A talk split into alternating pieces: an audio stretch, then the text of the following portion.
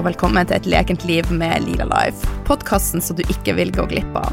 Her får du de gode og hjertevarme tipsene for et lekent og balansert liv og helse. Nye tema hver uke. Hormoner, fordøyelse, matglede, sex, selvtillit, eteriske oljer, stress, stressmestring osv. Ja, hva prater vi egentlig ikke om? Noen ganger så har jeg med meg spennende gjester, og av og til så er det meg. Og hvem er jeg? Jeg er Oline, ernæringsterapeut, yogalærer, veileder i eteriske oljer, mamma, livsnyter og har ei brennende interesse for ei naturlig helse. Jeg har vært alvorlig syk i mange år, og nå er jeg 43 år og faktisk mer vital enn noen gang. Livet, det leker lite grann. Mitt mål med denne podkasten er å vise at det er mulig å gjøre en stor forskjell med små endringer, brikke etter brikke, steg for steg. Sharing is caring, og jeg blir så glad om akkurat du tar deg tid til å legge igjen en kommentar på iTunes. Det betyr at budskapet når flere, og gjerne tips en venn, naboen, en partner. Ja, du får lov å tipse faktisk hvem du vil. Et stort smil og en smask ifra hun Line Lila Life. Eterisk olje har vært et ønsketema hos eh, dere lyttere, og endelig så kommer det en hel episode kun om eteriske olje, naturens apotek. Dagens gjest hun har skrevet flere bøker om kraft, fermentering, bærekraftighet, og lanserer i disse dagene boka Eteriske olje for kropp, sjel og sinn. Hun er også kursholder, blogger, kone og mamma til fire. Dagens gjest er ingen ringere enn hun Gry Hammer. Og vi skal snakke om hva eteriske olje egentlig er. Eh, hva som er viktig å tenke på når du skal skaffe deg eterisk olje. Hvordan du kan komme i gang. Hvordan du kan bruke eterisk olje i hverdagen din hvorfor eterisk olje er så virkningsfull eh, og så fornuftig bruk av eterisk olje, yoga og eterisk olje og mye mer. Men aller først vil jeg lese opp en tilbakemelding fra en av dere lyttere, og den er fra Silje. Overskrifta 'Lærerik og inspirerende'. En fantastisk podkast full av nyttig informasjon, forklart på en forståelig måte. Det er spennende gjester og viktige tema. Jeg lærer noe nytt hver gang og blir inspirert til å leve en mer lekent og balansert liv. Denne podkasten er min faste følgesvenn på tur. Tusen takk for det. Jeg blir veldig glad om du også tar deg tid til å legge igjen en tilbakemelding. Det betyr at budskapet når flere. Du kan også ta en screen og sende det på lila-life på Instagram, og så kommer det en liten oppmerksomhet ifra meg. Så nå, hjertelig velkommen, Gry. En stor ære å ha deg med igjen. Takk for at du vil ha meg igjen. Du er alltid velkommen på podkasten min. Takk. Du, Aller først, Gry, hvordan starta du dagen din i dag? I dag så starta jeg dagen sånn som jeg ofte gjør, med et stort glass med lunka sitronvann. Da skviser jeg en halv sitron. Og så drikker jeg det, og spyler gjennom systemet. Det innbiller meg er lurt. Mm -hmm. um, stort sett så bruker jeg det. Av og til så bruker jeg en sånn her uh, selleri, stangsellerijus. Det er det jeg har holdt på med nå det siste. Og da bruker du juicer? Ja. Bare rein stangsellerijus. Men stort sett så er det det der berømte sitronvannet. Det har det jo vært siden ja, sikkert i 20 år. Mm. Ja. Men eh, sellerijus og sitronvann, det er overflødig at du tar begge delene, eller noe? Nei, jeg tenker at det er bare å peise på, men, eh, men, det begrenser seg jo hvor mange liter fluide man orker å sutle på da i løpet av en morgen, morgenkvist.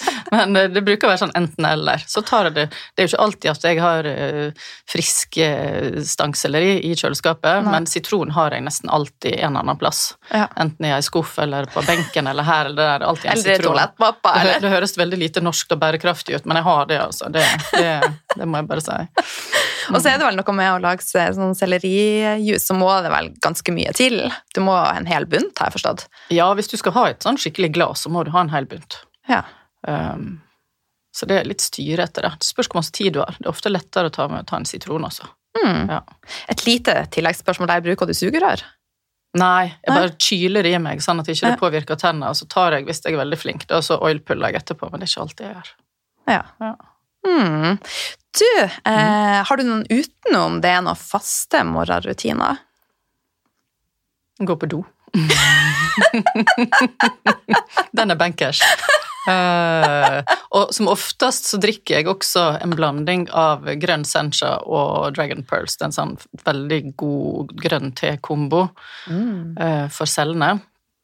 Det drikker jeg nesten alltid, men det er ofte etter en annen form for frokost. da. Mm. Men jeg har jo mange prosjekt. ikke sant? Jeg er jo litt sånn helsefrik. sånn at Nå har jeg jo vært, uh, nå har jeg jo drevet med periodisk faste og ketose i mange måneder. Da har jo ikke jeg drukket annet enn vann på fastende hjerte ikke sant, når jeg våkner om morgenen, for alt som skal gjennom levra, vil jo, vil jo på en måte kreve noe av, av deg. Så da har det jo rent vann helt til jeg da kanskje har tatt den der sellerijusen eller den der sitronvannet i 11-12-tida, hvis jeg har drevet med den periodisk faste. Men nå er jeg ferdig med femdagers fastekurs, så nå er det bare å kose seg. Nå må jeg få lov å leve livet og drikke sitronvann når jeg vil. Crazy! Men du var fem dager da totalt uten fast føde? Bare vann. Og salt. Og salt, ja. Mm. For å opprettholde elektrolyttbalansen, mm. ikke sant? Ja. Men og det hvordan... kjente jeg var veldig viktig. altså. På den jeg tok veldig lite salt på dag én og to, og så på dag tre så bare kylte jeg meg en hel teskje på, på, morgenen der, og da var det akkurat så energien løfta seg, så det var veldig viktig med den der natriumen. da. Hmm. Hvordan føles det etter fasten? Kjenner du noe i kropp og sjel? Altså, jeg har jo fått, fikk hvitere tenner og tok av, og ingenting av de to det var, det var, ikke noe delmål for meg, verken å få hvitere tenner eller å ta av. Så Nei. det var litt mer sånn alvorligere grunner til at jeg valgte å faste. Jeg jakta på autofagi, og jeg ville rense kroppen og resette den. Eh, Hva er autofagi for de som hører på? Enkelt forklart. Det er veldig vanskelig å forklare, men det er jo noe med at du, du sørger for at, eh, at, cellene dine Altså, du er i fettforbrenning, sånn at når du da kommer på et visst punkt der du, der du Når du faster lenge nok, så begynner cellene å regenerere seg ved å ete seg sjøl opp, eller ete sine dysfunksjonelle komponenter opp. Mm. Så det er en slags måte å rense systemet på. det. Og så fins det jo så uendelig masse sprikende forskning, for det er jo relativt Det er for så vidt relativt, det, er ikke nytt, men, men du vet det skal mye til før du kan si at en studie er valid, det skal viss mengde til, og det skal metastudier, og det skal ditt og datt og dytt, så, så de lærde strides om hvor nyttig det er, og Sånn som i Russland, der det er lang fastetradisjon, der, der viser det seg jo at f.eks. på diabetes 2 er det veldig nyttig. Absolutt ikke diabetes 1, men diabetes 2 er det veldig nyttig.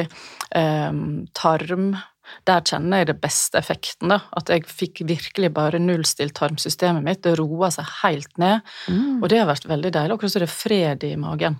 Og det kan jeg kjenne på litt enda nå at uh, ja, Vi var på Norefjell, og da drakk jeg en kopp kaffe med piska krem med, og det er nok til å trigge mitt system. Og det kjente jeg også, at det trigga, tarmsystemet mitt, men det kom seg mye fortere, og det er mye roligere. Så det tror jeg at systemet mitt har hatt godt av, men, men, du skal vite hva du holder på med når du bier deg ut på sånn femdagersfaste, for det var tungt. Det var jo mm. først og fremst en mental styrkeøvelse. Mm. Uh, men jeg har jo en veldig sterk vilje, så når jeg har bestemt meg for noe, så gjør jeg det, da. Så det, jeg klarte jo det. Det er jo fint å vite det, da, for forrige gang jeg prøvde å faste, så begynte jeg å grine etter fire timer, og så åt jeg en, åt jeg en skjeve, og så ble jeg fornøyd igjen. Så, så, jeg er jo på en annen plass, og det er jo litt stilig å merke at en sjøl eh, har en, et mentalt uh, mindset da, som er, som er, solid nok til å tåle noe sånt. Mm. Og jeg var ikke sulten en eneste gang, men det var jo fordi jeg hadde gjort grundig forarbeid og hadde vært i ketose sikkert flere uker før. Mm, så du starta med periodisk faste? Ja, ja, og veldig ketogent kosthold. Jeg var jo ikke sulten. Jeg var virkelig ikke sulten i løpet av de fem dagene. Det høres veldig rart ut, men det var det jeg trodde jeg kom til å kjenne på, men det kjente jeg overhodet ikke på. Nei. Men jeg var slapp, ja. og det gjorde vondt tidvis mm. i kroppen. Ja. For deg som har lyst til å lære mer om dette, så kan jeg anbefale episoden med Stig Bruseth. Der snakka mm. vi om periodisk faste. Og i episoden med han Trym Smør-Jesus så snakka vi om et ketogent kosthold. Ja. Men nå tilbake til deg, Gry. Det kommer stadig nye lyttere til. Så kan du, kan du bare fortelle oss litt eh, hvem er du, og, og bakgrunnen din?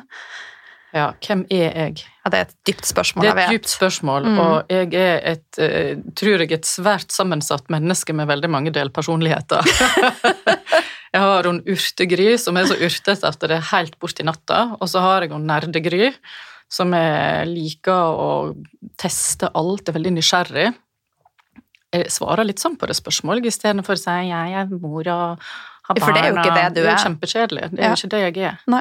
Jeg er et veldig nysgjerrig menneske. Jeg er et veldig sammensatt menneske. Jeg har urtegry, og jeg har denne der mer dekadente, rødvinsdrikkende kunstneren i meg, som kanskje er litt mer sjøldestruktiv.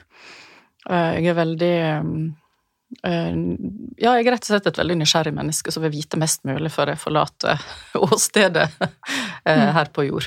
Så det tror jeg bærer, det bærer også yrkeskarrieren min preg av, for den er jo mangefasettert med ja, jeg har en lang akademisk eh, utdannelse med alt fra statsvitenskap til litteraturvitenskap, og skrevet masse bøker, holdt på med den bloggen min i noen år, og um, ja, jeg er stadig vekk nysgjerrig, jeg. skriver skrive om nye ting og Og det bærer jo vi nytte av. Du Ja, sprer jo masse kunnskap. Og nå skal du spre kunnskap om eterisk olje. Mm. Og det har jo vært en viktig del av livet ditt i mange år. Kan ikke du fortelle oss litt om hvordan du starta med eterisk olje? Jo, jeg starta med eterisk olje når jeg var journalist i NRK, radiojournalist, ung ambisiøs tenåring, og eh, var kjempestressa. Stress er en min akilleshæl i livet. Jeg er veldig lett for å stresse. Må passe veldig godt på meg sjøl for å ikke stresse. Være bevisst for å ikke havne i det mønsteret. Eh, og den gang da var jeg verken bevisst eller påskrudd, så da for jeg bare fresa rundt med høye skuldre og stressa, og ble anbefalt en aromaterapeut som skulle være veldig flink å massere. Og det var jo den massasjen jeg var på jakt etter, for jeg hadde ikke hørt om aromaterapi jeg da. Nei. Og hun satte meg, la meg på en benk og ba meg om å lukte på den og den og den og den oljen for å finne min, og jeg syntes det var veldig flummig og rart og skjønte ikke helt hva, hva det gikk i. Men når jeg lukta da på en unik olje som heter frankincense, så skjønte jeg hva hun mente, for det var min olje. Og da kjente jeg at jeg kunne dra pusten så djupt som jeg ikke kunne huske å ha gjort kanskje noen gang, og eh, ble umiddelbart roligere. Eh, Det var noe med den lukta som bare hensatte meg helt til en slags eh, inner peace, for å si det på godt dårlig norsk. Eh, Og siden så har den oljen forfulgt meg, og det åpna jo også opp for et univers. Jeg er veldig sånn jeg har ekstremt god luktesans, jeg er veldig sensitiv, så det å finne lukter som var så, som påvirka meg så veldig på en positiv måte, det ble jeg veldig nysgjerrig på. Så jeg fikk raskt tak i Gikk jo på helsekost og lukta på mange oljer, jeg husker at jeg likte veldig godt lavendel og rosmarin og sitron. Det var sånne lukter som jeg umiddelbart syntes lukta deilig, da. Eh, Mens det var andre oljer som var veldig spennende, men som ikke tiltalte meg på samme måte. Og det er klart at i dag når jeg kan mer om olje, så, så skjønner jo jeg at de har en veldig stor funksjon, også de oljene som kanskje ikke lukter så vidunderlig, men, men det var iallfall min første erfaring, da. Den Mm. der sanselige, deilige, behagelige dimensjon som, kunne, som jeg kunne tilføre hverdagen min, da, som var sånn som den var. Mm. Mm. Som du, så er jeg jo også en sensitiv person, så jeg var jo sjøl veldig skeptisk til eterisk olje. Men jeg har jo opplevd det samme som deg, at eh, jeg liker ikke parfyme, jeg liker ikke altså, sterke lukter, men eterisk olje det åpna en, en verden, ny verden for meg. Mm. Så jeg reagerer på en helt annen måte på det, så det er veldig, veldig fint. Men du, på nettsida di så skriver du eh, at eh, eterisk olje er trofaste følgesvenner for vel, velvære og vitalitet. Hva mener du med det, Gry? Mm, Ja, hva mener jeg med det? Det har vært med meg i Tjukt og tynt, da. Um, det var en journalist som ville ha meg med på en sånn her eh, litt sånn kritisk, eh, kritisk TV-program om en terisk olje. og så sa jeg at jeg, jeg har hatt dem med meg på godt og vondt. Uh, de har gitt meg glede og trøst i eh, alle livets opp- og nedturer. Det har ikke hindra meg ifra å verken få kreft eller at min sønn har fått en alvorlig hjertefeil, men de har vært med meg og tilfører en dimensjon i mitt liv som jeg ikke kunne tenke meg å være foruten. Så i så måte så elsker jeg eterisk olje, men de løser ikke alle verdens problem. Det gjør ikke de. Um, ja, jeg tror jeg kan si det sånn. Mm. Men det var et, eh, et veldig fint svar. For at det vi må tenke på, det er jo at ting er veldig sammensatt. Så det Mm. finnes ikke mirakelkurer, tenker jeg da. Sånn at eterisk olje er en viktig brikke i et stort puslespill. Det er det. Sant? Ja. Jeg har brukt olje når jeg sitter og skriver på manus og skal være i en innspurt om å holde meg skjerpa. Jeg har hatt dem med meg på fødsler for å Mm. finne ro. Um, Jeg hadde dem med meg på sykehus når jeg ble operert i mai, fordi at det virka veldig angstdempende og beroligende. Da hadde jeg med meg frankincense og bergamott og lavendel, disse her beroligende, livsbejaende, gode oljene. Sant? Så jeg har jo egentlig alt, eller ikke alltid, men siden jeg var 19 år da, og ble introdusert for det, så har jeg vært med. Er ikke vi bare sånn 19 år fortsatt? Jo, så jeg har jo tatt sånn, hva det heter, sånn biologisk alderanalyse, du står på sånn maskin, Ja. så jeg er ikke så langt unna, men det, det tror, jeg tror jeg er litt sånn forenkla, akkurat det der. men jeg er sånn i begynnelsen av 20-åra, ifølge disse maskinene som vi står på. og wow, Wow, så bra. Ja, ja. Men du, la oss eh, gå litt back to basic. Det er sikkert alle vet hva eteriske oljer er. Kan du på en enkel måte prøve å forklare til lytterne hva det er for noe? ja, du kan si det både veldig enkelt og veldig vanskelig. Jeg kan si det veldig enkelt. Du kan er- få ta begge delene. Ja, det er flyktige oljer ifra planteriket. Mm. Og du kan trekke disse her flyktige oljene ut fra ulike bestanddeler fra planten, alt etter hva slags type olje du er på jakt etter. Og det er Du kan finne eterisk olje i bark og harpiks og sevje og i blad og i røtter og i blomster. Og det fins eterisk olje der du bare har trukket de eteriske oljene ut fra blomsteren, mens det andre som er mer komplekse, der du har hele planten som er pressa med. Og oftest så bruker man dampdestillering til å utvinne de eteriske oljene ifra disse her plantevekstene, da. Mm. Mm. Og så er det jo kanskje viktig å få med, for at eh, det er jo veldig konsentrert. Eksempelvis så går det til å lage fem milliliter med rose, så går det rundt 10 000 roser, har jeg forstått. Så det er jo ekstremt. Ekstremt konsentrert, og du kan jo si at på den måten så er det jo sjela til planten som er konsentrert da, i disse her edle dråpene. Og et sånt prinsipp er også at less is more. Det er ikke bare å pøse på med disse oljene og tenke at uh, jo mer, jo bedre. Skal ha litt sånn respekt for disse her, og forstå hvor, hvor komplekst og unikt det er, da. Og alt etter hvilken eterisk olje det er, så, så, så noen olje inneholder enorme mengder med kjemiske komponenter, mens andre er mye enklere. Og det gjenspeiler sånn som rose er jo den dyreste oljen og den mest komplekse oljen, mens du har mye enklere olje som også kan være veldig potent og virkningsfull, men men eh, sånn som sitron, da, enklere kjemisk sammensetning, billigere å utvinne, men en av mine favorittoljer, så en trenger ikke alltid å gå etter det dyreste for å tenke at det er det beste innen det her universet, da. Nei. Det har jo litt med tilgang og faktisk også hvor mye ressurser det går med til å lage hver enkelt. Absolutt. Ja, Sitron er en fantastisk eh, olje. Men du, et, vi har jo snakka litt om hvorfor de er så virkningsfulle. Kan du fortelle litt mer? Altså, det er jo kjemi. Ja, det er kjemi, og du kan si at noen eteriske oljer inneholder veldig utprega hudpleiende kjemiske komponenter, sånn at de vil være veldig nyttige å bruke hvis du har fått et brannsår eller har et utslett eller en blemme eller skal gjøre noe hudreparerende, da.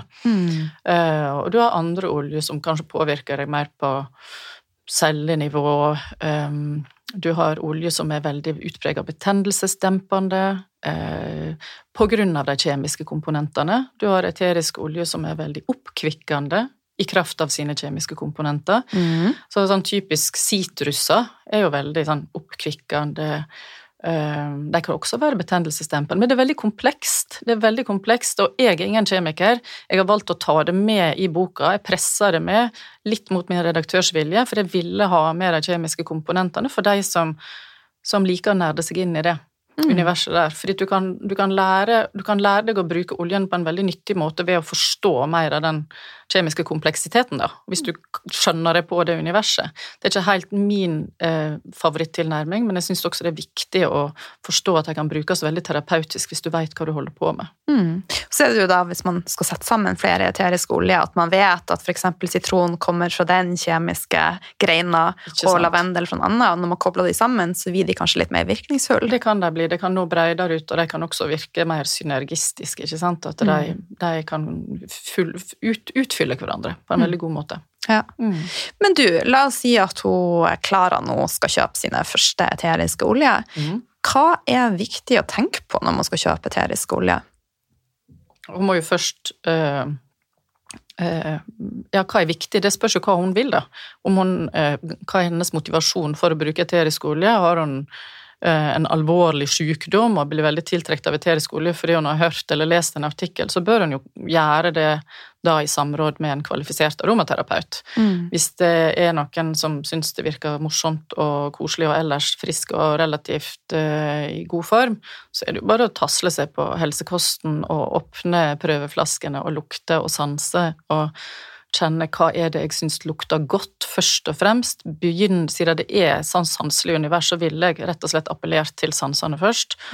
Lukta meg fram til noe som jeg kanskje utfordre meg sjøl hva for ei olje syns jeg lukter best, og så valgt den, og så leste meg opp på akkurat den. Mm. Og blitt kjent med én og én olje om gangen. Ehm, For da vil du ha en større forståelse for hvordan det virker på deg, eh, og hvis du har en konkret eh, utslett eller vorte, eller at du har lett for å bli litt tung i hodet eller sliten når du leser, eller altså Bruke oljene og bli kjent Du må bli kjent med dem. Mm. Istedenfor at du bare Jeg og du har jo, tror jeg begge to, litt sånn at vi gjør alt på en gang når vi blir gira, og da kan det bli vanskeligere å, å sortere hvordan det faktisk virker. Og da vil jo kanskje både jeg og du, selv om vi har pøst på med alt på en gang, så vil vi kanskje bruke lengre tid på å finne ut hva var det her som egentlig funka på hva. Og hvis du går litt mer enkelt til verks, så tror jeg du kanskje kan få en større forståelse for hva du holder på med. da. Men du, kvalitet. Kvalitet er viktig. Det finnes veldig mange gode leverandører av eterisk olje på markedet. Mm. Det finnes masse ræl, men det er masse bra også.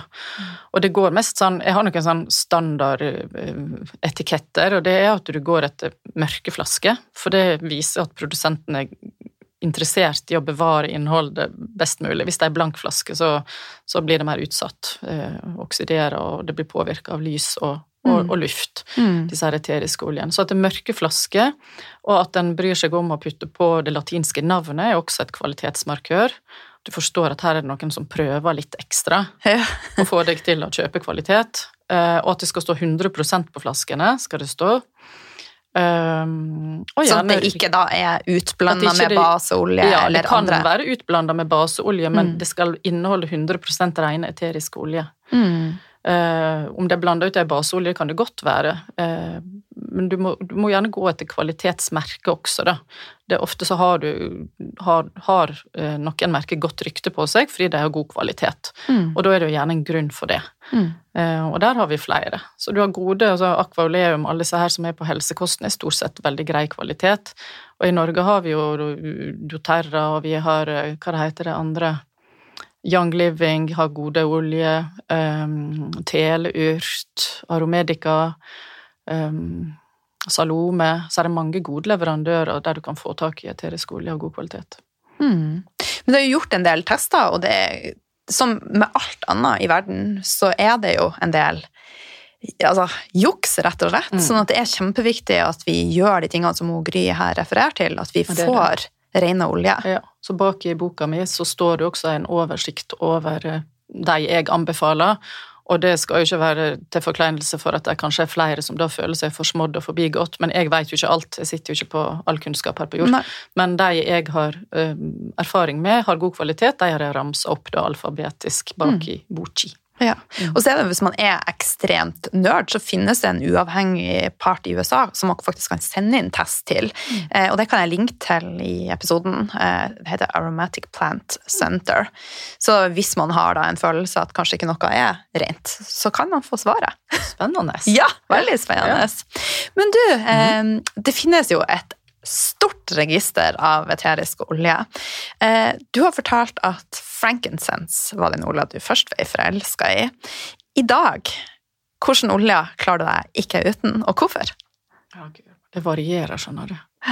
Um, men frankincense må jeg ha med i livet. Sånn er det bare. Uh, og så tror jeg jeg må ha med granium. Den er veldig sånn, for meg sirkulasjonsfremmende og mjukgjørende på hodet mitt når jeg blir veldig sånn her eh, enspora på faste eller enspora på et eller annet som jeg har hengt meg opp i, så er den med på å mjukgjøre og øke sirkulasjonen i egentlig kropp, sjel og sinn for meg. Granium. Mm. Um, rosmarin er jeg veldig glad i. Sitron er jeg veldig glad i. Jeg kommer ofte tilbake til disse gode, gamle slagerne. Men et, ja, dette, du må ikke si sånn til meg. Det er veldig vanskelig å presse meg inn i en sånn bås. Jo, jeg må ha med nellik. Nellik må jeg har med. Ja. For, ikke fordi jeg syns ikke den smaker godt eller lukter godt, men den gjør veldig godt. Den har veldig gode antibakterielle og antivirale egenskaper som jeg ikke veit om jeg ville ha vært foruten hvis jeg måtte havne på ei øde øy, da. Nei. Um, Jeg bruker den også hver dag til oilpulling. Det er fantastisk. jo, kanel. Kanel den Ja. brukte jeg når jeg fasta, for da var jo helt eh, hva skal jeg si, død i kjeften, høres fælt ut, men altså, du bare drikker vann i fem dager. Det er ugg, altså. Uggbugg. Så da tok jeg oilpulling sikkert tre-fire ganger for dag med kanel, fordi det var akkurat sånn den på en måte økte spyttsekresjon, og du fikk en følelse Den skaper en sødme ikke sant, i munnen Mm. som gjorde at jeg nesten følte at jeg åt noe uten at jeg åt noe. Mm. Um, kanskje, jeg satt og lurte på om den var med på å gjøre tennene mine så hvite. De er ikke så hvite nå, de gikk fort over. Men det var helt sånn, Mannen min holdt på å le seg i hjel av meg, fordi det tok jo kilo, så jeg var helt sånn avmagra med disse store, hvite tennene mine. så da jeg smilte, så var det liksom bare tennene han så. Så det jeg tenkte jeg skulle sjekke, da, det var et eksperiment med oilpulling med kanel i ei uke, og så vanlig kosthold, sånn som jeg ellers har nå, eh, og så ei uke med med nellik for å se om det var rett og slett kanelen også som påvirka hvithetsgraden, eller om det var bare fordi at jeg rett og slett ikke tilførte te eller Ja. eh, grønske eller smoothies eller alt det her som rødbetjuice og alt det her som setter farge på tennene, da, nødvendigvis. Det setter farge ganske fort, for Veldig. jeg har jo knapt drukket vin i 2019 og 2020, men Mm. nå i eh, 2020 så har jeg nettopp drukket litt rødvin, og jeg ser det på tennene mine. Ja, men du gjør det. Og jeg har jo drukket fryktelig masse grønske og, og sånne her eh, antioksidantrike, fargerike grønnsaker i form av smoothies og juice det siste året, og det setter farge, altså. Ja. Milde måned. Men da vet jeg hva jeg skal gjøre. Jeg skal oilpull med kanel. Prøv. Ja, det skal jeg gjøre. Jeg skal, skal oppdatere deg, jeg skal Ja. lytterne også. Ja, flott. Men du, det som er litt eh, eh, spennende, eh, det er jo at eh, oljene de har jo også en emosjonell virkning, da. Så de oljene som du er spesielt glad i, frankincense og geranium, de hadde jeg veldig mye motstand Mm. mot i starten. Og så har det bare gått seg til. Og jeg tror at i løpet av de her årene at jeg har endra meg masse. Derfor har, jeg en, har de en annen virkning på meg i dag. De Mm. lukter ikke stygt lenger. Du syns ikke det, nei? Nei. Nei, men det går jo litt sånn på, på, på nytteverdi også, for du er jo litt sånn helsefrik som meg, så du har jo også en, en hjerne som kan bestemme seg for at hvis du merker at dette er veldig nyttig for meg, så har jeg bestemt meg for at jeg skal begynne å like det òg. Så jeg tror det er mange måter og at vi endrer preferanse på, da. Mange Ja, deler av oss som gjør at vi endrer preferanse, men men vanens makt også, det at du har utsatt deg for det og Ja. Det er Mm. ikke alt man nødvendigvis liker med en gang, men som man etter hvert skjønner og finner glede i her i livet. Nei, Ja. Nei, det er sant. Men i forhold til dine oljer, så er, jeg ville hatt alle Ja. de, men jeg ville også hatt lavendel og peppermynte. Ja. De klarer jeg meg ikke Jeg uten. kanskje sa ikke lavendel, nei. Nei, lavendel er jo kjempeviktig. Uff, der ser du. Ja, men jeg catcha jo deg opp. Ja, ikke sant? Ja. Men du, eh, forhåndsregler. Hvilke forhåndsregler bør en ny oljebruker eh, ha med seg? Må bare forstå grunnprinsipp for bruk. Mm. For det er klart at Altså, hvis ikke du Du kan si at hvis du tar lavendel rett på huda, så kan det virke hudreparerende. Hvis du tar kanelolje rett på huda, så kan du jo etse. Eh, Så jeg vil jo aldri, når jeg sier oilpull, og folk ikke vet hva oilpull er, så kanskje tar de masse kanel rett i munnen eller nellik, da vil de jo få en veldig ubehagelig opplevelse. Mm. Så det går på sånn grunnprinsipp som at hvis du har en veldig sterk olje, vi- vit om den er hudpleiende og, og, og, og, mild, eller om den er tøff, Mm. og at du må på generelt grunnlag, da, hvis du skal være helt 100% safe, blande det ut i en bærende olje, som for eksempel, det kan være alt fra jojoba til olivenolje og til smør, at du blander det ut i en fettkilde, sånn at ikke du får den der, eh, at ikke den eteriske olja kan etse hull på ei slimhinne, da. Mm. Um, og et barn for eksempel som kan ta, bare ta på ei flaske med kanelolje, og så kan det være litt søl på korka, og så tar den seg inn på øyet. Det kan jo være rett og slett farlig. Så at en forstår disse her grunnprinsippene for bruk, men at en ikke skal være så livredd for eterisk olje at de står med korka på, for de funker på en måte ikke så lenge korka er skrudd igjen. Så, så, så det, det, er noe med å ha respekt for dem, men med fornuft som med alt annet. Heller, du lar ikke ungen din få leke med Zalo-flasker, eller for så vidt eh, Du gir ikke babyen din eh, håndsåpa di heller med, med, med tutt på, ikke sant. Så det er mm. noe med sunn fornuft og, og grunnprinsipper. Her finnes det jo masse informasjon på nett også, ikke sant. Mm. Det... Men hvordan er det med de som er litt eldre og unger? Er det noen spesielle forhåndsregler?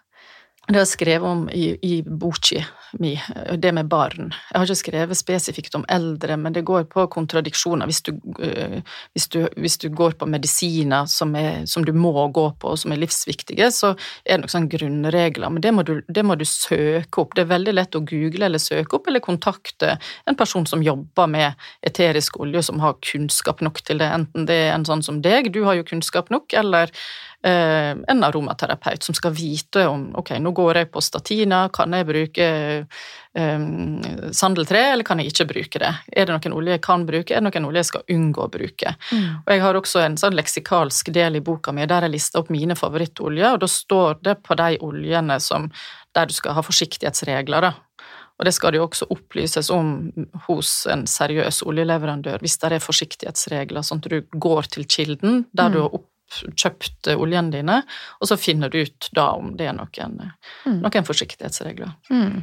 Og det gjelder jo gravide, det gjelder barn, og det gjelder um, eldre, og det gjelder spesifikke medisiner. Ja. ja. Kan du fortelle litt om de forskjellige måtene vi kan bruke eterisk olje på? Ja, det påvirker deg jo Det er jo flyktig, så det første du merker, er jo at det påvirker lukt. Så du mm. sanser det. Så det er jo aromaterapi er jo et veldig vanlig begrep innenfor uh, eterisk oljeverdenen, og det er jo rett og slett fordi at uh, du ved hjelp av ren duft, lukt, så det heter på min dialekt, kan påvirke uh, først og fremst da emosjoner, går rett i det systemet i hjernen som går på minne og på følelser og på sorg og lidelse og glede og beven, og det kan sette i gang eh, en emosjonell uh, hurtigtog mm. til noe positivt eller negativt. Um, sånn har det med granium, for eksempel. Det er besta på Hopland, altså. Og sommer og hest og besten og saude og fjell og, og stekt ørret. Og det vekker i gang hele det batteriet der med deilige barndomsminner, for eksempel. Mm. Um, det er den aromatiske måten, og kan da ha det i en duftspreder, ikke sant? og du kjenner lukta sprer seg i rommet. Um, for eksempel med sitron og appelsinskall, det er to oljer som jeg syns påvirker bergamott. Det er sånn olje som jeg syns påvirker humøret mitt, og faktisk familien min også. Det blir veldig sånn lett stemning hvis det er sånn suring på gang, eller noen har krangla noe voldsomt. Å ha en eller tre eller flere av de her i en duftspreder det kan endre humør i heimen på 1, 2, 3, altså. Mm.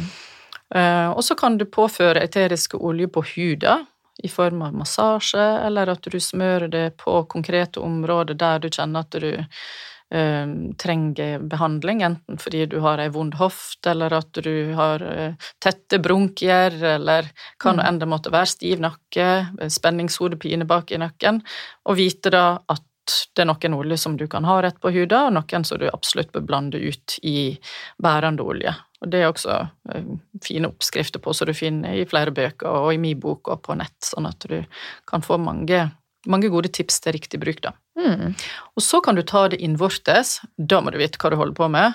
Mange oljer er helt safe, eh, en skal ikke overdrive. Det er alltid lurt å blande det ut i en bærende olje, eller olivenolje, eller smør, eller som jeg sier, hvis du skal ha det i en smoothie, så må du homogenisere det, og det blir det jo i en smoothie når du får fresa det rundt noen ganger med i den blenderen. Um, og så er det jo slik at matindustrien bruker jo eterisk olje også i eh, sjokolade, after eight, Polo Du finner det jo brukt veldig Spesielt de billige oljene, sånn som peppermynte og sitron er jo billige oljer som matindustrien ikke ser noen grunn til å lage en kjemisk eh, etterligning av. Det er jo bra. Sånn, ja, det er veldig bra. Mm. Sånn at de, oftest er de oljene ganske rene, da, hvis du finner mat og drikke som er tilsatt det. Så det er jo, du, du har det aromatiske, du har det topiske på huda, og du kan ta det innvortes. Eh, og all, det er forhåndsregler på alle de tre forskjellige måtene å gjøre det på. Mm. Hvilken måte liker du best å bruke det på? Jeg tror nok at jeg bruker det mest topisk, altså på huda i form av uh, at jeg blander det enten i en hudkrem eller i en olje. Uh, at jeg blander det ut i ei spiseskje med, med, olje og har i badevannet. Uh, så det blir mye, det. Mm. Jeg har jo også alltid eterisk olje på kjøkkenet, sånn at når jeg for eksempel lager meg en Sånn som i går kveld så lagde jeg meg en sånn rødbetlatte-lignende sak, og da Og den så jeg på Instagram! Ja, og den var så god. Da skumma jeg sånn mandelmelk, og så hadde jeg eh, kardemomme som er en av mine, skjønner du, en av mine favorittoljer. så redaktøren min og jeg sa jeg må ha med den oljen her. Sa, Nå er det begynt å bli litt mange gry. Ja, men jeg må ha med den her også. Så ja, men det er veldig mange oljer i gry. Ja, men jeg må ha dem med! så det er ganske mange oljer i den boka. Den ble egentlig dobbelt så tjukk som den skulle være, men det er jo the story of my life. Alle bøkene blir tjukkere enn de, de, de, vil at de skal være. Men uh, kardemomme så jeg piska inn i, eller skumma inn i mens jeg melkeskummer. Det var helt nydelig. Eh, mm. Så jeg har alltid kardemomme og kanel og Ofte står det bergamott på kjøkkenbenken. Det er også sånn som jeg liker å skumme inn i sånn plantemelk. Sitron, appelsinskall. De har jeg ofte på kjøkkenet. Og så det, bergamott faktisk i. Å ja, i en sånn latte, og det er så godt. Det har jeg aldri prøvd. Å, nydelig. Lavendel har jeg fått øynene opp for. Ja, det er godt på sånn kveldsdrikk. Ja. ja. Og så virkningsfullt i kapsel også. Ja, Fantastisk. Men da blander du vel i en sånn Da har du litt olje også, Kokosolje, kapsel ja. og lavendel. Ja, ja, ikke sant? Og det er sånn så, så, så det, Når man begynner med, med, med, den type bruk av eterisk olje, så hør med Oline, eller les i ei bok, eller, eller, en annen ressursperson som kan greiene sine. Sånn at du bruker det riktig. For da mm. får du også mer nytte av det, ikke sant? Mm. Det er klart, hvis jeg har eksem på ankelen, så tror ikke jeg at det blir veldig mye bedre av at jeg sitter og lukter på ei flaske aromatisk. Eh, da er det veldig lurt å bruke gode hudpleiende, bærende eh, olje eller salve og blande i de helt rette eteriske oljene i det. Mm. Da ville ikke jeg ha drusa på med nellik, for eksempel. Eller eh, Det, det måtte iallfall være en spesifikk grunn, at det var en bakteriell årsak til akkurat det, altså utslettet. Mm. Du, du bruker det etter formål, alt etter hva du vil med det. Mm. Ja. Men eh, en annen ting som eh, jeg bruker eteriske oljer til, er jo til et naturlig innemiljø. Kan ikke du fortelle litt om det? Hvordan gjør du det? Jeg liker ikke å vaske hus, liker ikke å vaske i det hele tatt. Så det har vært raskt, feiende raskt kapittel i boka. Eh, jeg bruker ofte Jeg har jo delt trikset triks med latevasketrikset mitt. Det er jo bare å f.eks. ta lavendel i håndflatene, og så bare springer du rundt i huset og klapper i hendene, sånn at du får fordelt disse duftmolekylene i rommet. Og da tror jo folk at de nyvasker når de kommer inn, helt til de ser på lysekruna mi og opp på døragodten og sånn. Da ser de jo at det er ikke nyvaska, men de kan late som i lukt, luktmessig, da. Eh, ellers så bruker jo jeg når jeg vasker klær, så bruker jeg lavendel og sitron. Men sitron liker ikke oljene mine, oljene mine sier ungene mine så godt at jeg bruker på, på klær. De liker best lavendel og granium. Um, så det er de oljene jeg bruker mest i husvask. Og så bruker jeg tetre på litt sånn halvstørrige treningsklær med sånn så her strømpene, vet fotballstrømper. Ja, det lukter ikke sånn veldig juicy på et tidspunkt. Så det kan være veldig forfriskende. Mm. Uh, og ellers de oljene bruker jeg som oftest da i i husvask. Mm. Men vi mennesker vi er jo det som kalles et holy biome. altså Vi er jo bare et sett av bakterier. Og du har jo skrevet flere bøker om fermentering og for å bygge opp rett og slett mikrobiotaene våre. Mm. Og der kan jo eteriske olje også være med og bidra i form av naturlig antibac og naturlig rengjøring. Ja, absolutt. Ja. absolutt. Jeg tror det er mange oljer som, som, kan være veldig nyttig å bruke konkret på altså Timian er ekstremt bakteriedrepende, det er liksom den store. Mm. Eh, som kan være veldig nyttig til den type formål. Og så er det jo veldig mange som har antibakterielle, antivirale egenskaper. Og da kan det jo være hensiktsmessig at du har gjort noen tester og, og, og, og veit hva det er du faktisk kanskje har en overvekst av eller ikke. Ja. For det er jo ikke noe mening i å gå på en hardcore candidakur med eterisk olje, og så viser det seg at ikke du har overvekst av candida, Mm. men at du har akkurat så masse som du skal ha. Så igjen så kan det være nyttig å gjøre det i, i ordnede former med f.eks. en funksjonell lege eller et funksjonelt medisinsk senter som har greie på det her, da, ikke sant? Ja. Men sånn typiske hverdagsting som jeg gjør, det er jo bare vaske eh, do med On Guard istedenfor Ja. å bruke eh, masse gift. Perfekt. Og oilpulling, for eksempel. Jeg tror Hvis du leser Sarah Gottfried sine bøker, og der hun skriver ganske grundig om oilpulling Jeg har skrevet et blogginnlegg, og det har faktisk med i boka også. Det med munnhygiene tror jeg har ekstremt mye å si for generell helse. Og det har jeg tatt virkelig på alvor eh, de siste par åra, og det, det, tror, det, det tror jeg er veldig lurt. Og da er det jo disse her typiske kanel, nellik, timian, tetre, Mm. eh, granium faktisk også. Eh, veldig soppdrepende, bakteriedrepende. Eh, og at du skyller munnen med det. Du trenger ikke å spyle hele systemet, men rett og slett å ha en veldig god munnhygiene tror jeg har ekstremt mye å si for hva som foregår, hva som forplanter seg i resten av fordøyelsestrakta, for det begynner jo der. Eller det begynner jo faktisk med nesa. Ja. Du lukter, og så går det, går du vann, vann i munn, munn i vann, vann i munn. Og så er det kjempeviktig å bare få med, få med at vi når vi oilpuller, så er vi ikke ute etter å drepe eh, alle bakteriene. Vi ønsker å ivareta bakteriefloraen. Mm. Så det er så viktig bare mm, at vi understreker det. Men du, på, på nettsida di har jo vært og snoka. Så Snoka skriver du du? Jeg snoka. Line. Så skriver du at eh, jeg ønsker å formidle en balanse mellom naturvitenskap og legevitenskap. At vi må ta det beste fra begge leirer og forstå at det ene utelukker ikke det andre. Kan ikke du forklare litt hva du mener med det? Jo, eh, det er et ord eh, som jeg syns går igjen i alle kretser der man sitter og forvalter en viss kunnskapsmengde, og det er arroganse. Og jeg er helt allergisk mot arroganse. Eh, Amen. og jeg har sjøl, etter jeg hadde studert sju år akademisk høyere utdannelse på universitetet, så var jeg så arrogant at jeg var helt ufordragelig, vil jeg påstå. Og eh, jeg har møtt veldig mye arroganse hos eh, Og ydmykhet, for så vidt også, men det er veldig mye arroganse hos eh, um, leger. eh, m- m- maktpersoner som skal bevare sin eh, posisjon. Eh, og jeg har så lyst til å være en brobygger, fordi at min virkelighet eh, har det aller best hvis jeg kan ta det beste fra det skolemedisinske Mm. og det naturmedisinske.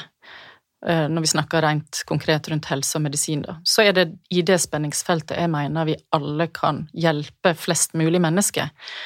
Eh, og du finner folk som forvalter kunnskap feil og med feil intensjon, uansett hva de jobber med, om de jobber med å selge støvsugere, eller om de jobber på Rema, eller om de er en toppolitiker eller en lege. Så det finnes ugras overalt.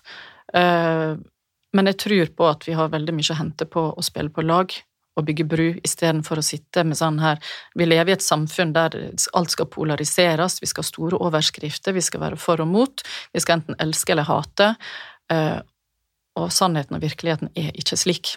Så jeg har ikke lyst til å finne sannheten og formidle den i nyansene, og egentlig løfte frem begge deler, fordi at skolemedisin er jeg kjempeglad for at finnes. Mm. Det spørs bare hvordan den forvaltes. Det samme med naturmedisin.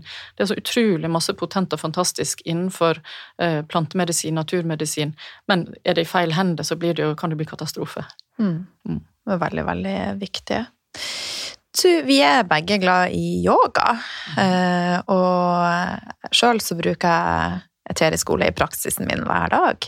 Eh, gjør du det? Nei, ikke hver dag. Nei?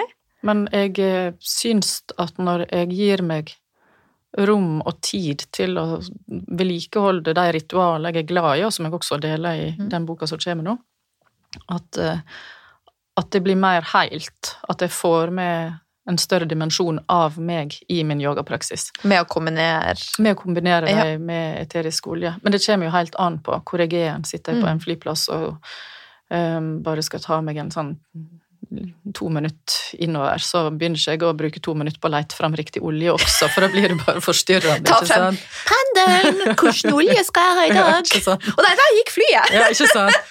Ja, ikke sant. Nei, så det, det Ja, jeg bruker eterisk olje. eh, også i yogapraksisen min, eh, alt etter hva jeg vil. Hvis jeg trenger å roe meg ned, trenger å komme i et eh, ja, Si at jeg er veldig oppi hodet mitt, da, og tankene mm. mine surrer og går til et eller annet prosjekt som ikke kommer ikke meg ut av hodet og inn i kroppen. Mm. Da elsker jeg f.eks. patchouli. Den er veldig sånn kroppsolje for meg. Den hjelper meg raskt til å jorde meg og komme inn i meg sjøl. Vetiver, f.eks. Mm. Og det kan også være om morgenen, selv om det egentlig er olje som kan virke søvndyssende og veldig beroligende og fine på kvelden.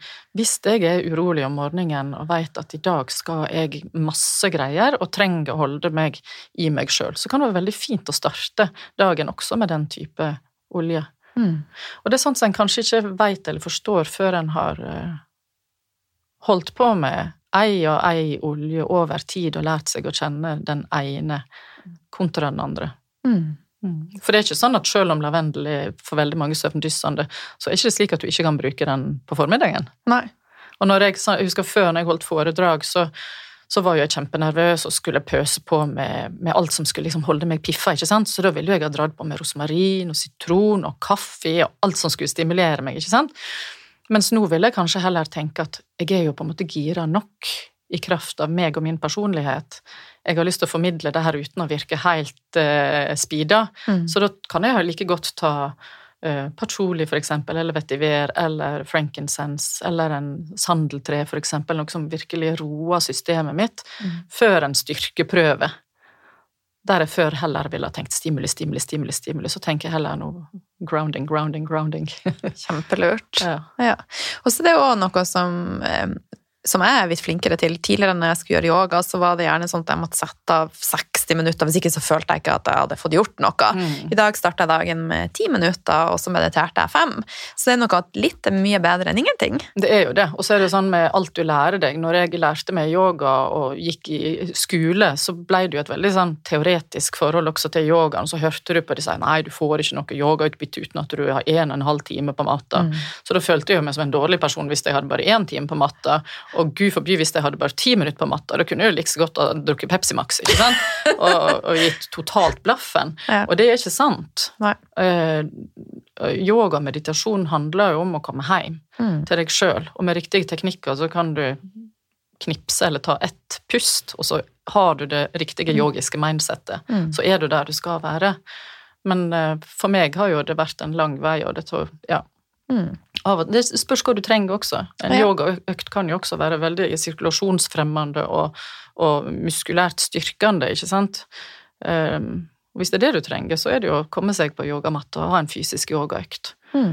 Andre ganger trenger du rett og slett bare å hvile og ta en god, djup yoga nidra-meditasjon. Eller se på The Bachelor. Eller se på The Bachelor og drikke vin. ja. Men uh, oljene er kraftfull, det har vi uh, konkludert med. Og du har så vidt nevnt det at det kan være lurt å ha enten en uh, veileder eller en aromaterapeut i ryggen når man starter. Vil du fortelle litt mer om det? Jeg både mener det, og jeg mener ikke det. For jeg mm. mener, hvis du er en vanlig norsk person som mm. syns at det er spennende med eterisk olje, så kan du gå på nettet, og så kan du kjøpe lavendel og rosmarin og sitron. Og så kan du lese litt om det, eh, enten det er i min bok eller andre sine bøker. Eh, og så kan du få masse fint utbytte av å ha de tre enkle oljene i din hverdag uten at det er verken medisinsk eller innvortes eller noe som helst. Kanskje mm. du bare syns det er godt å ha i diffuseren din. Mm. Det var en studie fra Japan der de hadde på et kontorlandskap. De hadde sitron i diffuseren, og de jobba de, de hadde, Det var et sånn her eh, kontorlandskap der de jobba med veldig sånn mekanisk eh, mekanisk uh, trykking på Jeg klarer ikke å gjengi det. Men de skulle iallfall registrere data ved hjelp av uh, fingertasting på tastatur. Og det var altså merkbart mindre feilslag når de hadde den aroma, de virkestoffene fra sitron i, i lufta. Mm. Så du, du, du, må på en måte ikke inn i dette her djup, alvorlige aromaterapeutiske veilederuniverset. Men hvis du vil, hvis du er kjempenysgjerrig og, og vil ha masse kunnskap, så bør du gå den veien at du leser deg skikkelig opp ved kvalitetsbøker, eh, dyktige formidlere av eterisk olje, som hvis de sjøl ikke vet at de har evne og, og, ressurser til å finne fram den rette kunnskapen, og at ikke det bare blir sånn tull og fjas. Mm. Hvilke bøker anbefaler du?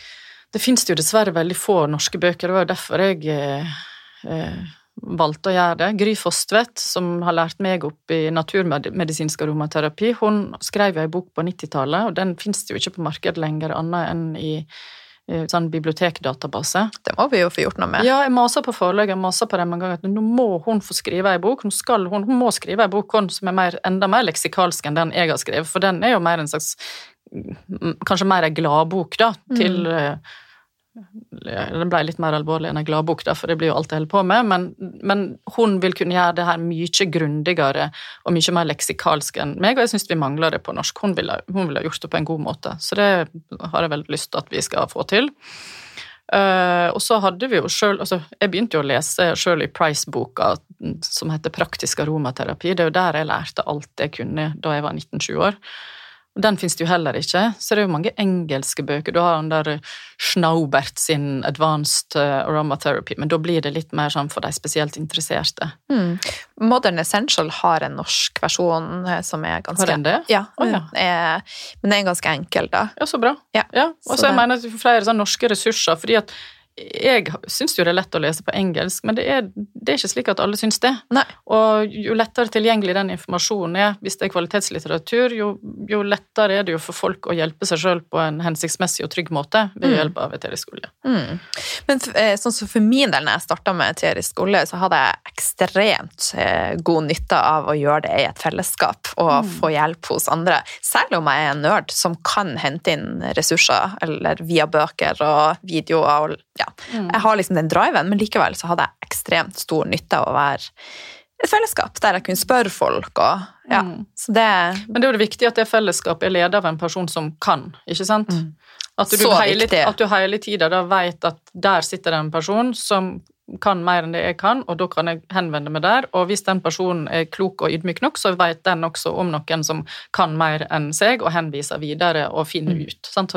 Så at du ser at det er en fornuftig person da, som leder det fellesskapet, kjempe, så er det veldig, kjempe... veldig fint å ha, være en del av en, en, større mengde. For du sitter ofte Jeg har jo holdt på med mine urtete greier for meg sjøl, og har, verken, har ikke vært gift med en urtete mann eller vært i en urt, spesielt urtete familie. Sant? Sånn at du kan jo føle deg litt ensom i din mm. uh, urtethet. Uh, og da er det godt med sånn fellesskap, og det er jo, det er jo Facebook og, og, og, nettverdenen på godt og vondt i dag. ikke sant? At du mm. finner jo alt. Alle ja. de fellesskap du måtte ønske, enten du vil strikke eller mm. strikke eller holde på med olje eller griser, eller hva det nå enn du har interesse for. det finnes et fellesskap for alt. Ja. Ja. Eh, men en ting som vi ikke har vært innom, er jo at vi alle mennesker er unike. Så det er jo noe som vi kanskje burde ta med, at ikke alle responderer likt på hver enkelt olje.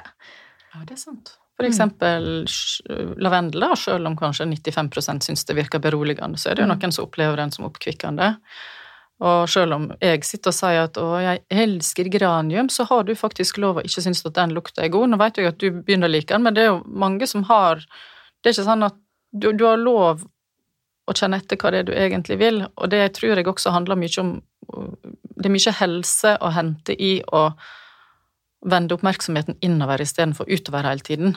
Og gå innover i deg sjøl og kjenne etter hva er det som resonnerer i meg, hva føles godt for meg, hva syns jeg lukter godt mm. istedenfor å bære høyre på alle andre. Mm. Og det er så viktig. Og så er det viktig som det, det som du har nevnt med at Start med ei olje. Gi deg sjøl litt tid å kjenne på hva skjer i kroppen min når jeg bruker den olja. Mm. Så, så viktig. Og Så går det an å skru korka igjen og sette den vekk. Det har lang holdbarhetstid. Hvis du setter det innerst bakerst i kjøleskapet eller kald bod, så kan det holde seg i årevis. Så det er jo mm. bare å legge det vekk. Kanskje du får en renessanse når du leter det fram igjen en gang senere. Mm. Du, eh, nå har vi prata om mye. Eh, er det noe som du tenker at jeg har glemt å spørre deg om, som vil være av verdi for lytterne om eterisk olje, som du vil tilføye? Eller har jeg spurt alle spørsmålene? Nei, det, vet du hva, det har jeg ikke tenkt. Nei, var ikke dette fint? Jo, det vil jeg nå si. Der er jo selvfølgelig Man kan gå djupt til verks, og man kan gå lett til verks. Og nå syns jeg vi har gått sånn, sånn at det kan være tilgjengelig for flest mulig. Mm. Ja. Dette er jo rett og slett en intro til Terje Skolje, og så kommer jo boka di ganske snart. Det er jo masse oppskrifter der, da, Ja. i den boka. Det har jeg lagt litt vekt på. At, for det er folk Ja, nå har jeg kjøpt en flaske lavendel, hva skal jeg bruke den til? Sånn at du har en sånn praktisk nytte av deg, og veit hvordan du skal eh, bruke dem. Det har jeg prøvd å ha litt vekt på, da. Det praktiske nytteverdiene av det. Hvordan du skal, skal faktisk få det inn i hverdagen da, på en trygg, trygg og god måte. Um, ja. Ja. Ja, for lavendel den kan brukes både til rengjøring, til hud og i mat. ja. Det kan den. Ja, så det er som et kinderegg. Ja. Og det er det som er spennende med de Terje Skole, for veldig mange kan brukes på denne måten, men så har du noen som du overhodet ikke skal bruke innvortes. Og Ja. da er det så viktig at du faktisk gjør et grunnarbeid og finner ut og kan den brukes innvortes. Ikke sant. Og hvis du er usikker, så kjører du trygt. Tenk trygt, trygt, trygt, for da kan ikke det, det kan ikke bli feil hvis du bare tenker trygt. Nei. Nei. Ikke, hvis det, det, det er sånn uttrykk som heter 'doubt means don't'. Altså hvis du er i tvil, så lar du være. Mm. Det er en sånn grei sånn grunnregel. Mm. Og less is more. Less is more. Ja. Ja. Men du, tusen takk, Gry, for at du ville være med meg. Det har vært veldig hyggelig. Veldig kjekt. Og så gleder jeg meg til å lese boka di.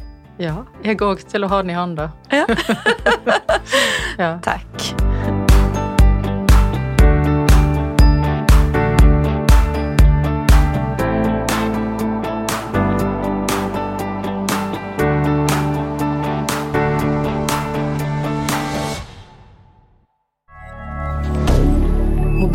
dire